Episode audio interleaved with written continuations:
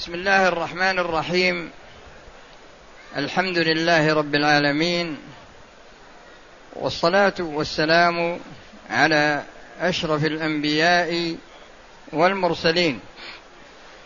نبينا محمد وعلى آله وأصحابه أجمعين.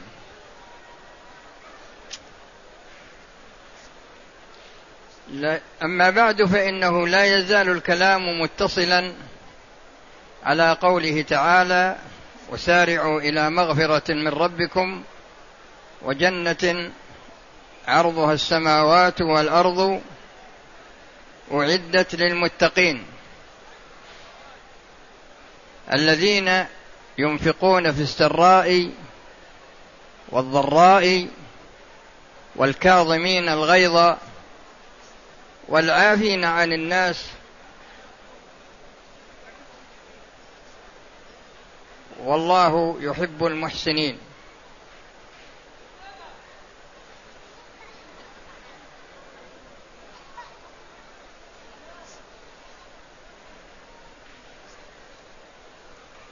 والله يحب المحسنين سبق الكلام على قوله تعالى في الليلة الماضية على قوله تعالى والكاظمين الغيظ والعافين عن الناس.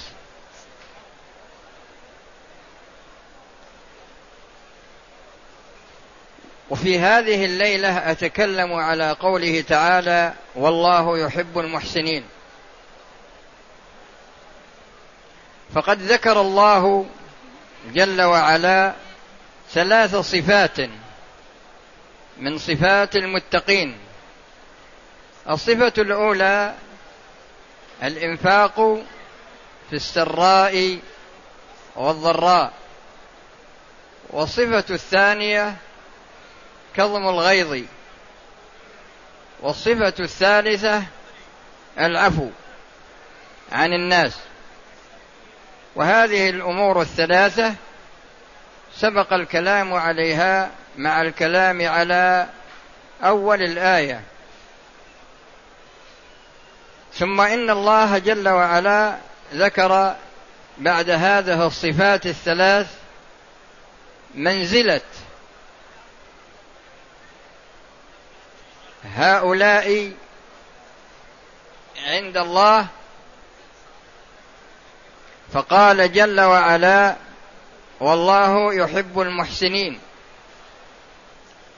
فمنزلة هؤلاء إذا فعلوا هذه الصفات لوجه الله جل وعلا مع المسارعة إلى فعل الأوامر وترك النواهي رجاء ثواب الله وخوفا من عقابه. فذكر جل وعلا أنه يحبهم. والله يحب المحسنين. لأن الشخص إذا عفا عن حق له فهو محسن. وإذا كظم الغيظ فهو محسن. وإذا أنفق مالا حلالا لوجه الله فهو محسن. والإحسان عام وأعلى درجات الإحسان الإحسان فيما بينك وبين الله. الإحسان فيما بينك وبين الله من ناحية حقه بمعنى أنك تحسن في أداء حقه. والإحسان في أداء حقه نية الامتثال وإخلاص العمل لله والمجيء بالأمر ال... الذي تفعله المجيء به على وفق شرع الله. فإذا اجتمع في عملك أو قولك أو كفك أو إقرارك. إذا اجتمع فيه الإخلاص والمتابعة فأنت محسن فيه. ولهذا كان أول ما سأل جبريل عليه السلام محمدا صلى الله عليه وسلم عليه السلام عن الإحسان. فقال أن تعبد الله يعني لما سأل جبريل النبي صلى الله عليه وسلم عن الإحسان قال أن تعبد الله كأنك تراه فإن لم تكن تراه فإنه يراك. فإذا الإحسان يكون فيما بينك وبين الله من ناحية أداء حقوقه. فتؤدي حقه على الوجه الأكمل. والإحسان فيما بينك وبين نفسك لأن نفسك أمانة في عنقك وأنت مأمور بالإحسان إليها جملة وتفصيلا. فتحسن إلى سمعك وإلى بصرك. وإلى لسانك وإلى يدك وإلى بطنك وإلى فرجك وإلى قدمك وإلى سائر بدنك وإلى قلبك. جميع هذه الأمور أنت مطلوب مطلوب منك أن تحسن إليها. فالإحسان إلى السمع الإحسان إليه ألا تسمع فيه ما حرم الله بل تسمع فيه ما شرعه الله. والإحسان في البصر ألا تنظر إلى ما حرم الله وإنما تنظر إلى ما أباح الله لك. والإحسان إلى اللسان أن تكفه عن كل قول محرم أو مكروه وأن تستعمله فيما يكون واجبا أو مسنونا. وأعلى ذلك كلمة لا إله إلا الله. فتستعمل فتحسن إلى لسانك باستعماله فيما يعود عليك في النفع الدنيوي والأخروي. وإذا استعملته فيما يعود عليك بالضرر في دينك أو دنياك فإنك لم تحسن إلى لسانك. وهكذا بالنظر إلى يدك. فإحسانك إلى يدك أن تكفها عن فعل كل ما حرم الله وأن تستعملها فيما شرع الله استعمالها فيه سواء كان مباحا أو كان مندوبا أو كان واجبا. لكنك تكفها عن استعمالها فيما حرم الله وإذا عملت ذلك فقد أحسنت إلى يدك. والإحسان إلى قدمك أن تسعى على قدمك إلى ما يقربك إلى الله. يكون لك فيه أجر يكون واجبا كمشيك إلى أداء الصلاة المفروضة أو قيامك على قدمك على قدميك من أجل أن تصلي نافلة. من أجل أن تصلي نافلة. لكن إذا نقلت قدمك إلى إعانة ظالم أو إلى الذهاب إلى محل محرم أو السعي في قطع الطريق أو السعي في ترويج المخدرات فأنت يا أخي قد أسأت إلى قدمك. قد أسأت إليه لأن كل خطوة تخطوها ستحاسب عليها. إما أن أما أن تكون هذه الخطوة لك وإما أن تكون عليك.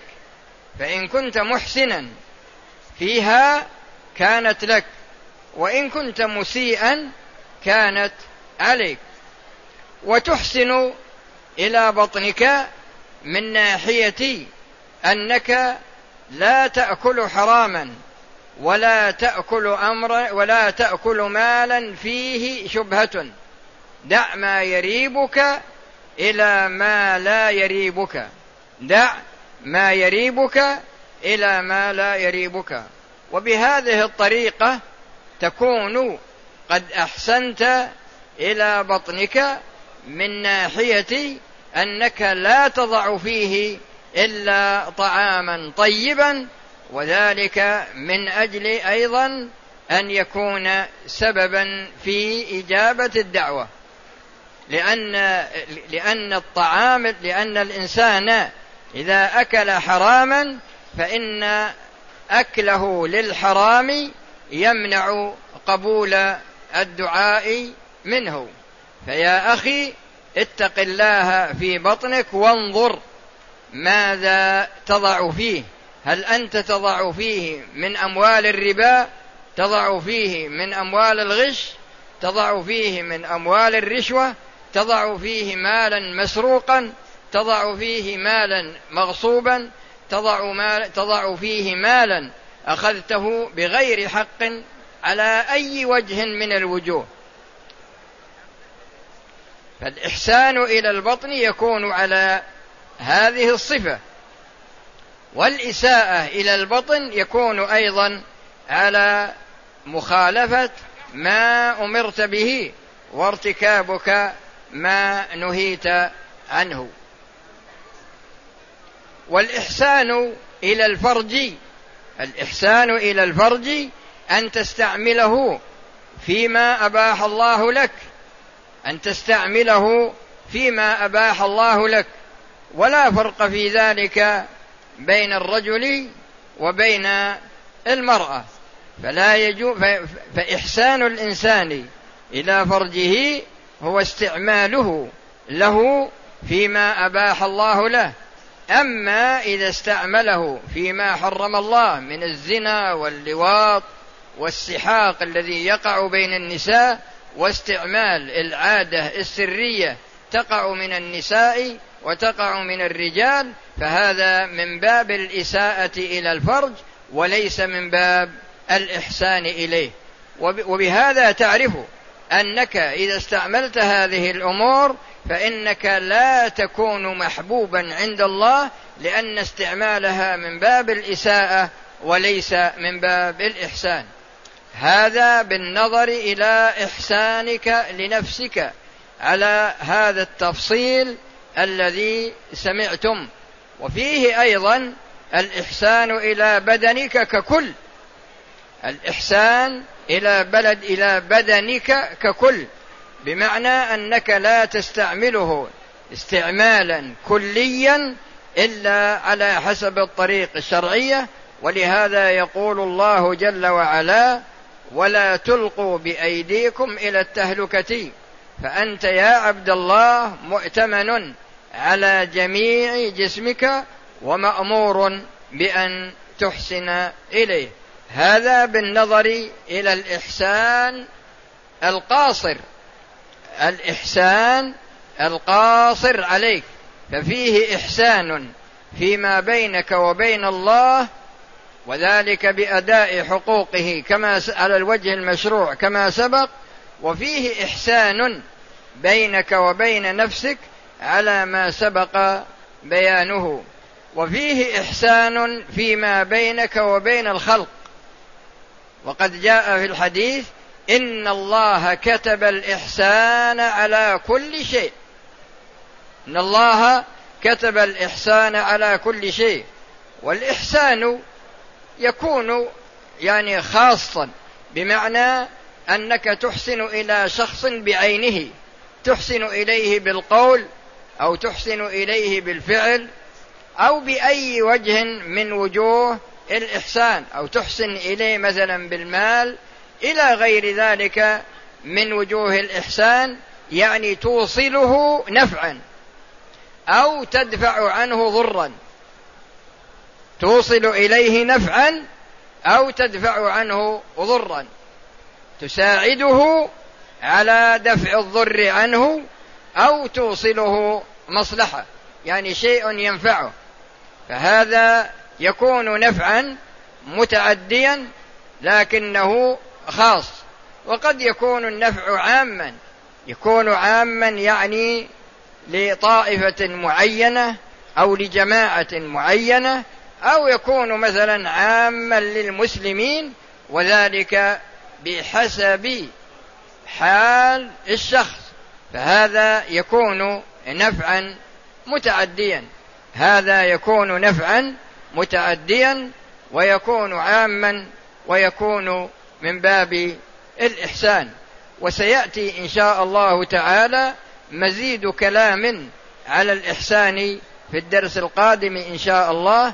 أسأل الله سبحانه وتعالى بأسمائه الحسنى وصفاته العلى وباسمه الطيب الطاهر الذي إذا دعي به أجاب وإذا سئل به أعطى. أن يجعل اجتماعنا هذا اجتماعا مرحوما وتفرقنا تفرقا معصوما والا يجعل فينا ولا منا شقيا ولا محروما وأن يتوفانا مسلمين ويحشرنا مع الذين أنعم الله عليهم من النبيين والصديقين والشهداء والصالحين إنه ولي ذلك والقادر عليه وأن يحسن عاقبتنا في الأمور كلها وأن يجيرنا من خزي الدنيا وعذاب الآخرة والحمد لله رب العالمين وصلى الله وسلم على نبينا محمد وعلى آله وأصحابه أجمعين. والآن نأتي إلى الإجابة على ما قدم من أسئلة.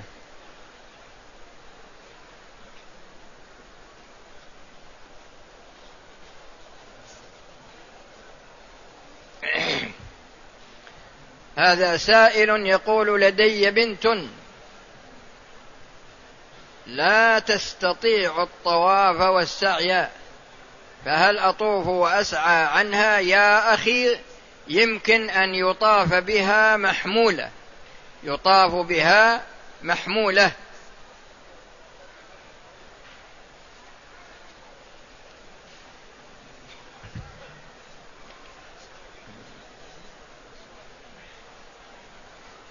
وهذا فكونا من الكلام.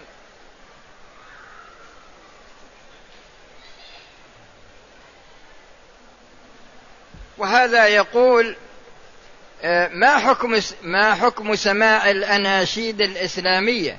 وهل يمكن استعمالها كبديل عن الأغاني وسماع الموسيقى؟ اولا إن الأناشيد الإسلامية اللي يسأل عنها السائل أنا ما أعلم عن حقيقتها ولهذا لا أستطيع أن أعطي حكما عنها. ولكن بإمكان الشخص أن يستمع إلى المحاضرات المحاضرات ويستعمل إلى كتاب الله جل وعلا من إذاعة القرآن الكريم. فإذاعة القرآن يلقى فيها من العلوم الإسلامية علوم مختلفة. في الحديث والتفسير والفقه وغير ذلك من العلوم الإسلامية. والسؤال الثاني يقول البيئة في بلادنا لا تساعد كثيرا الشباب على الالتزام فهل يجوز لي أن أخرج مع جماعة التبليغ؟ يا أخي اولا تعلم العلوم الشرعية تعلم العلوم الشرعية والواجب عليك أن تتعلم الواجب العيني. أما الواجب الكفائي فهذا له درجة ثانية. تعلم يا أخي كيف تتوضأ كيف تتيمم كيف تصلي كيف تصوم إذا كان عندك مال كيف تزكيه فهذا واجب عيني عليك. إذا كنت تريد أن تبيع وتشتري فتعلم أحكام البيع والشراء فهذا واجب عيني. أما الواجب الكفائي فهذا آه، يعني هذا خاص بنوعية من الناس. هذا خاص بنوعية من الناس يعني الذين يستطيعون الذين يستطيعون أداء هذا الواجب الكفائي. فعلى سبيل المثال ولاية القضاء. ولاية القضاء هذه من الواجب الكفائي. ولا نقول إن العام أنه داخل في وجوب الكفاية. الذين داخلون في وجوب الكفاية هم المؤهلون. المؤهلون لأداء هذه المهمة. وهكذا سائر واجب الكفايات مثل كفاية التعليم وكفاية الحسبة وكفاية الدعوة وغير ذلك من الواجب الكفائي. فكل واجب كفائي يعتبر نوع والعبرة بأهله المؤهلين لأداء هذا الواجب. فأنت يا أخي تعلم اولا ما يجب عليك وجوبا عينيا. أما جماعة التبليغ فأنصحك ألا تخرج معهم. لماذا؟ لأنهم اولا أنهم لا يتكلمون في القرآن. ويقولون لأن المفسرين مختلفون في التفسير ولا يتكلمون في السنة لأنهم يقولون إن في خلاف في السن في الأحاديث ولا يتكلمون في الفقه ولا يتكلمون في التوحيد. وأبغض ما إليهم دعوة الشيخ محمد بن عبد الوهاب ولا يريدون دعوة على وجه الأرض سوى دعوتهم. ما يريدون دعوة ابدا إلا دعوتهم هم. وإذا دخلوا بلد قالوا فتحناها فتحنا هذه البلد. فتحنا جاءوا المكه مثلا دخلوا وجدوا اثنين ثلاثة أربعة من السذج يتبعونهم قالوا فتحنا مكة. راحوا للمدينة وعملوا نفس العملية قالوا فتحنا المدينة. وعندهم بيعة عندهم بيعة تسلسلية وعندهم أسرار لا يعلمها إلا قادتهم. وقد حدثني شخص يقول إنني أظهرت لهم الإخلاص والعهدة عليه. قال لي هذا الكلام في عام سبع وثمانين هجري. يعني منذ خمس وثلاثين سنة. قال إنني أخلصت التبعية لهم. فقال لي واحد من قادتهم أنت مخلص معنا ولا بد أن أعطيك سرا من أسرار الجماعة. قل طيب. قال الذين يتصرفون في الكون أربعة. واحد في الباكستان والثاني في الشام والثالث في المدينة والرابع ما أدري هو هل هو في مصر أو ما أدري في أي جهة. فأناس لا يتكلمون في كتاب الله ولا يتكلمون في سنة رسول الله ولا يتكلمون في التوحيد ولا يتكلمون في الفقه. يعني ما هو الشيء الذي تأخذه منهم؟ عندهم ستة مبادئ. وضعها شيخهم. محمد إلياس. هذه الستة هي المنهج الذي يسيرون عليه. وعليك بالفرقة التي قال فيها الرسول صلى الله عليه وسلم من كان على مثل ما أنا عليه اليوم وأصحابي. فلا تبحث عن سنة محمد إلياس ابحث عن سنة محمد ابن عبد الله المعصوم فيما يبلغه عن الله. هذا من جهة ومن جهة أخرى من الغرائب إن مثل أهل البلد هذه يتلقون دينهم عن واحد مثلا من جماعة التبليغ. وهذه البلاد فيها الحرمان الشريفان والرسول منها والقرآن نزل بلغة بلغة العرب. فالقرآن والرسول وهذان الحرمان الشريفان كيف أنت يا أخي تروح تتلقى دينك من شخص ما تعرف حقيقته؟ لكن بعض الناس يصير عنده سذاجة ما يفكر. وعندنا ناس تبعوهم ضيعوا نساءهم وأموالهم وأولادهم لأنهم يبدأون بالخروج يوم ثم يومين ثم ثلاثة أيام ثم أسبوع ثم شهر وبعد ذلك يروحون بك للباكستان ولا للهند. فيه ناس جلسوا معهم إلى سنة وسنتين وثلاث سنين ضيعوا حتى أموالهم وأولادهم ونسائهم. أحصل من جهة العمل سنويا مبلغ وقدره أربعون ألف. بدل سكن كسلفة تخصم من الراتب. شهريا السؤال هو هو العقد المبرم بيني وبين صاحب السكن أربعون ألف والمبلغ الحقيقي للإيجار ستة عشر ألف فقط والباقي يرده علي. هل هذا غش لجهة عملي أم هو مشروع؟ جهة عملك بلغها بحقيقة الواقع ولأنكم ثلاثة أطراف أنت والمؤجر والجهة التي تشتغل فيها وهذا تزوير لكن لا بد من إطلاع الجهة التي تشتغل فيها لأنكم كلكم اتفقتوا على اللعب إلا الشركة ما تدري عنكم. امرأة أحرمت يوم أمس ولكنها لم تؤدي العمرة وظلت منتظرة لزوجها حتى اليوم ولم يصل بعد من السفر ولم تعتمر حتى الآن. فماذا ترون جزاكم الله خيرا؟ إذا كان في الإمكان أنه سيأتي عن قريب تنتظر وإذا تبين لها أنه لن يأتي فإنها يعني تأتي بالعمرة.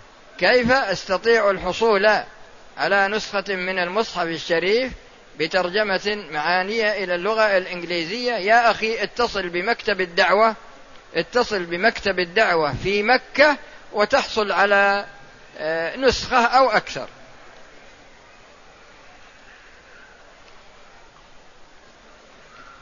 وهذا الظاهر أنه يعني في حرمة جائزة له وده يتزوجها بدون ولي.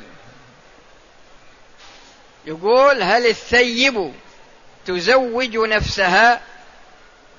يعني يروحوا وياه يشربون شاهي في القهوة ويقول لها زوجيني نفسك وتقول زوجتك نفسي.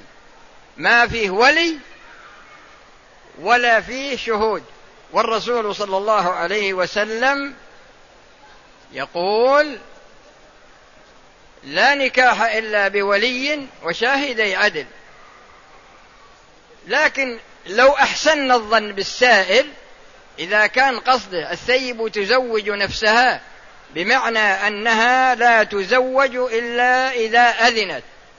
إذا قالت نعم زوجت. وإذا قالت لا لأن هذا إذنها. أما أما البكر فإذنها صماتها أو إذا ضحكت أو بكت فهذا دليل على الرضا. ويسأل عن خلاف العلماء في تزويج الثيب. يا أخي ما في خلاف بين العلماء في تزويج الثيب. إلا أنت إنسان أنك كما ذكرت في الاحتمال الأول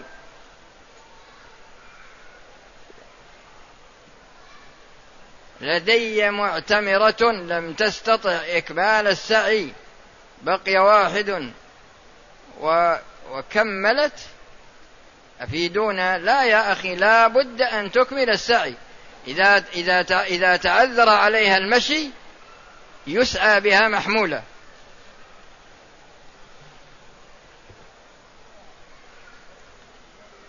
يقول أنا مؤذن فهل لي أن آكل تمرا قبل الأذان ليعينني على الأذان. إذا مثلا إذا إذا دخل الوقت تحققت دخول الوقت وقت الإفطار بإمكانك إنك تفطر ثم تؤذن.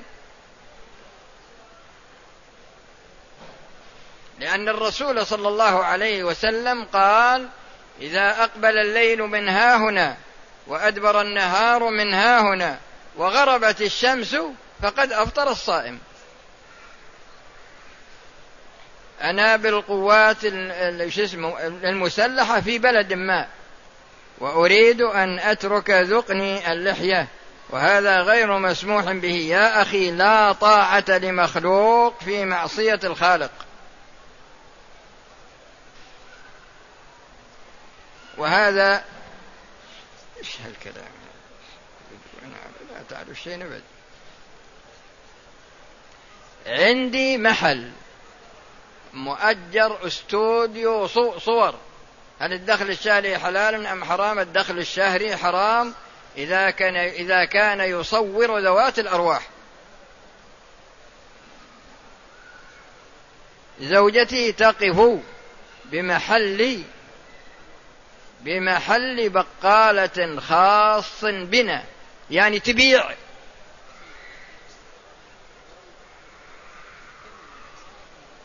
زوجتي تقف بمحل بقالة خاص بنا. لا يا أخي